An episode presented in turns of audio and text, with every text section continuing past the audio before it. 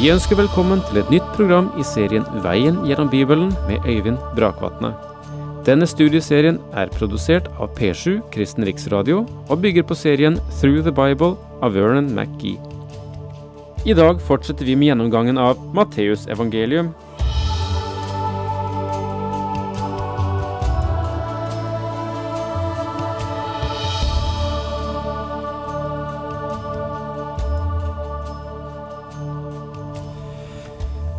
Ja, fremdeles så har vi lite grann igjen ut av Matteusevangeliets 13. kapittel. Dette meget interessante og viktige kapittel som eh, er syv lignelser om himmelriket, også kalt mysterielignelsene. Eh, mysterium ikke, det, ikke i betydningen det forunderlige, det merkverdige, men mysterion, som betyr det skjulte, det som er skjult. Og det forteller Jesus da i lignelser i dette vesentlige kapitlet. Eh, jeg har sagt at det er syv lignelser. Noen sier at det er åtte, ved at også det 52. verset i Matteus 13 blir betraktet som en lignelse. Og Det avsluttet vi med sist, og der står det slik. Da sa han til dem, derfor er enhver skriftlærd som har gått i himmelrikets skole, å ligne med en husbond som har både nytt og gammelt å hente fram av sitt forråd. Og fremdeles så er det eh, godt forråd å hente i Skriften, og nå skal vi da gå inn og avslutte det 13. kapittel før vi går videre i Matteus evangelium den sentrale bok i Bibelen. Etter at Jesus hadde undervist om disse lignelsene, så dro han bort og satte kursen mot Nasaret, sin hjemby. Og da står det slik i det 54. verset. Og han kom til sin hjemby. Der lærte han folket i synagogen deres, så de ble slått av undring og spurte, Hvor har han denne visdommen fra, og hvordan kan han gjøre slike mektige gjerninger?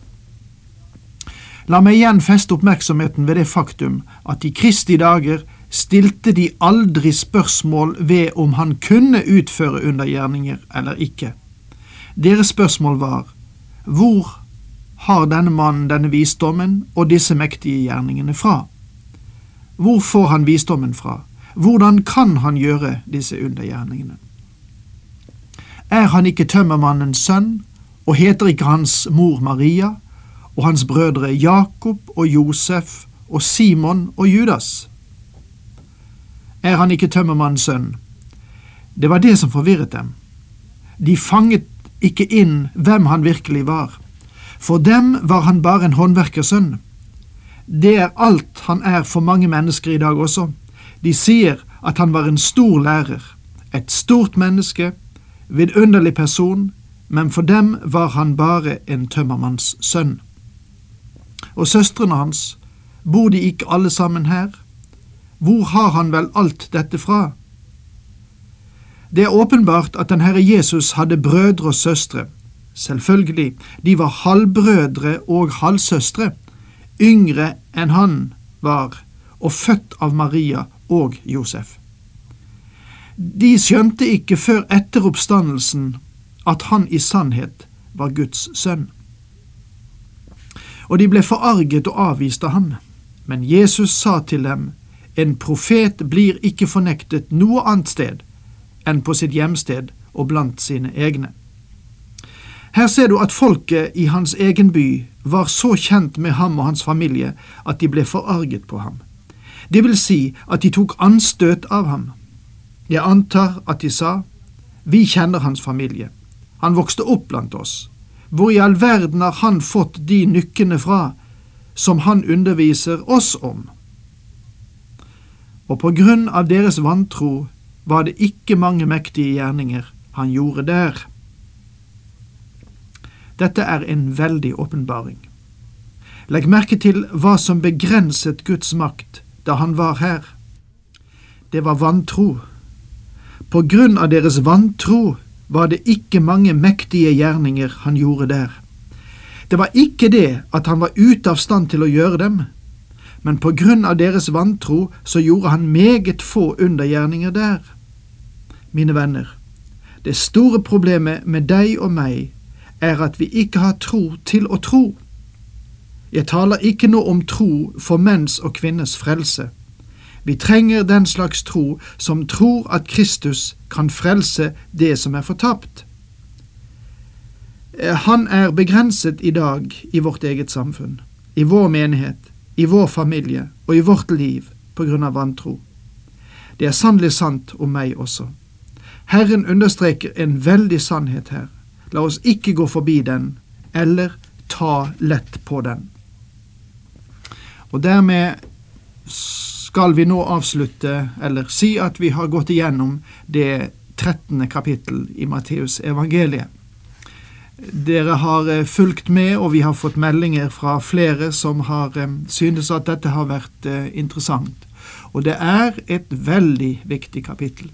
Så om du kan, gå gjerne tilbake igjen til dette 13. kapittel.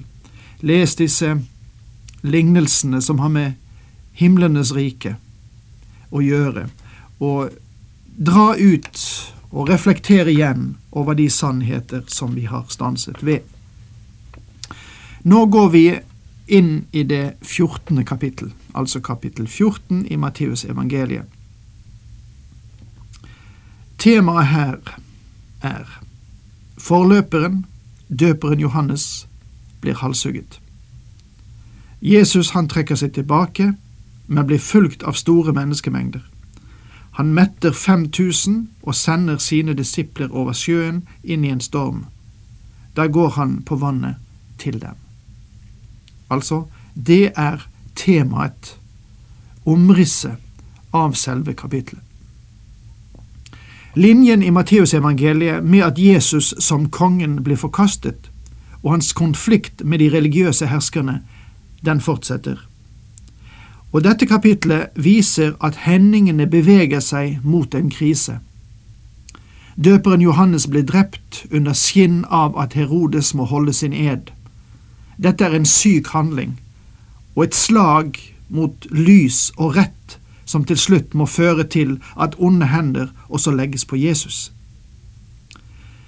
Jesus trekker seg tilbake for ikke å unødig tirre Herodes' onde følelser, for Jesu time er ennå ikke kommet. At Jesus metter 5000 er sannelig Jesu viktigste under, hvis vi bedømmer ut fra den oppmerksomhet som evangelieforfatterne vier denne hendelse. Og merk deg, det er den eneste undergjerning som ble gjengitt i samtlige evangelier. Skal jeg få gjenta det? Altså, at Jesus metta de 5000, det er den eneste undergjerning som blir gjengitt i samtlige evangelier. På den tid fikk eh, landsfyrsten Herodes høre ryktet om Jesus. Han sa da til mennene sine, Dette er døperen Johannes. Han er stått opp fra de døde. Det er derfor disse kreftene virker i ham. Om dette høres ut som overtro for deg, så er det det det er. Det er overtro, men ikke overtro om Bibelen eller om Jesus eller om hans apostler, og det er heller ikke overtro om kristendommen, men en overtro som hadde grepet om langt flere enn Herodes på den tiden. Noen vil sikkert innrømme at i vårt moderne samfunn har overtroen ingen plass. Har den ikke det? Legg merke til hvor mange mennesker som følger horoskopenes og astrologenes kart. Også Orientens religioner og meditasjonsbevegelser har en veldig innflytelse i vår moderne kultur. Menneskeslekten er i bunn og grunn overtroiske, og det øyeblikk du kommer bort fra Guds ord, blir du overtroisk. Der troen går ut, er det ikke vantroen som kommer inn, men overtroen. Selv de som kaller seg selv ateister, venner seg til kulter og hedenske religioner, og vi kan virkelig bli forbauset over at intelligente mennesker vil la seg engasjere i slikt.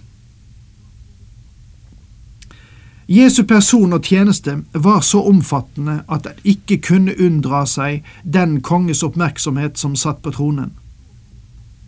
Herodes var medlem av en familie med så mye råttenskap at selv dynastiet og Dallas blekner. den var det første århundrets mafia, og den Herodes vi møter i dette kapitlet, var ikke noe unntak. De første versene i dette kapitlet er et tilbakeblikk på det som allerede hadde funnet sted. Da Herodes hørte om Jesu forkynnelse, ble han øyeblikkelig fylt av frykt og overtro.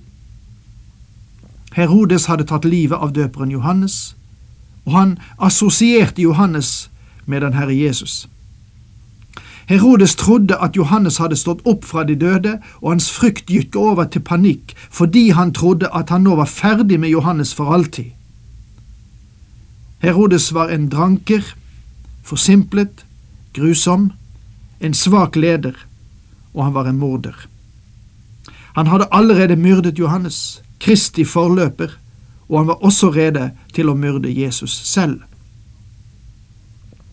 Følgende vers er en del av det tilbakeblikk som beskriver hendingene omkring døperen Johannes' død. Herodes hadde latt Johannes gripe, hadde bundet ham og kastet ham i fengsel. Dette hadde han gjort på grunn av sin brors hustru Herodias.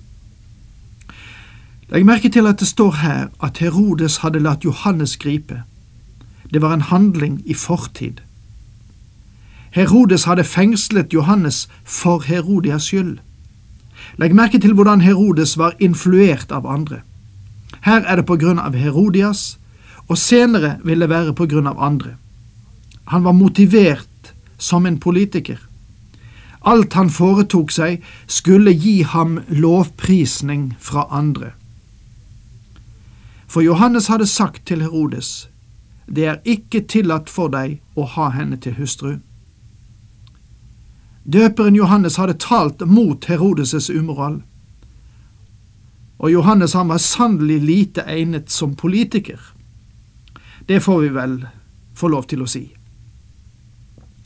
Han, nemlig Herodes, ville da helst ha drept ham, men var redd folket som mente at Johannes var en profet.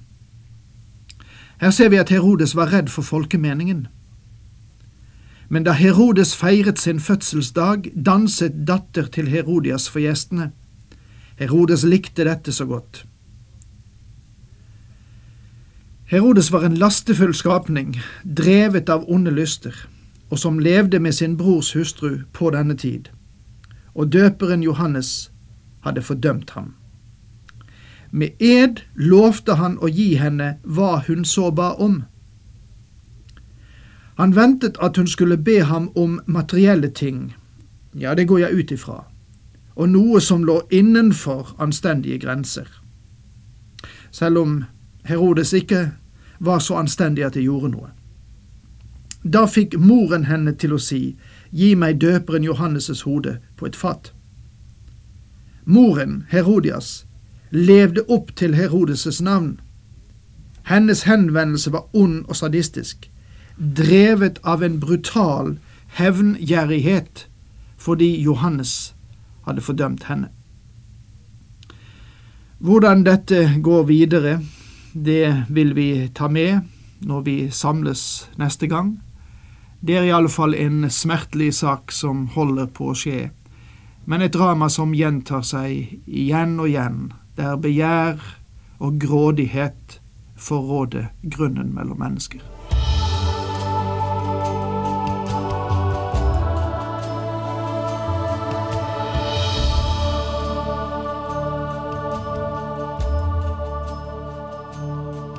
Du hørte Øyvind Brakvatne i studieserien Veien gjennom Bibelen. Serien bygger på et manus av Vern McGee. Har du spørsmål eller kommentarer til programmet, kan du sende en e-post til vgb krøllalfa p7.no. Takk for i dag, og på gjenhør.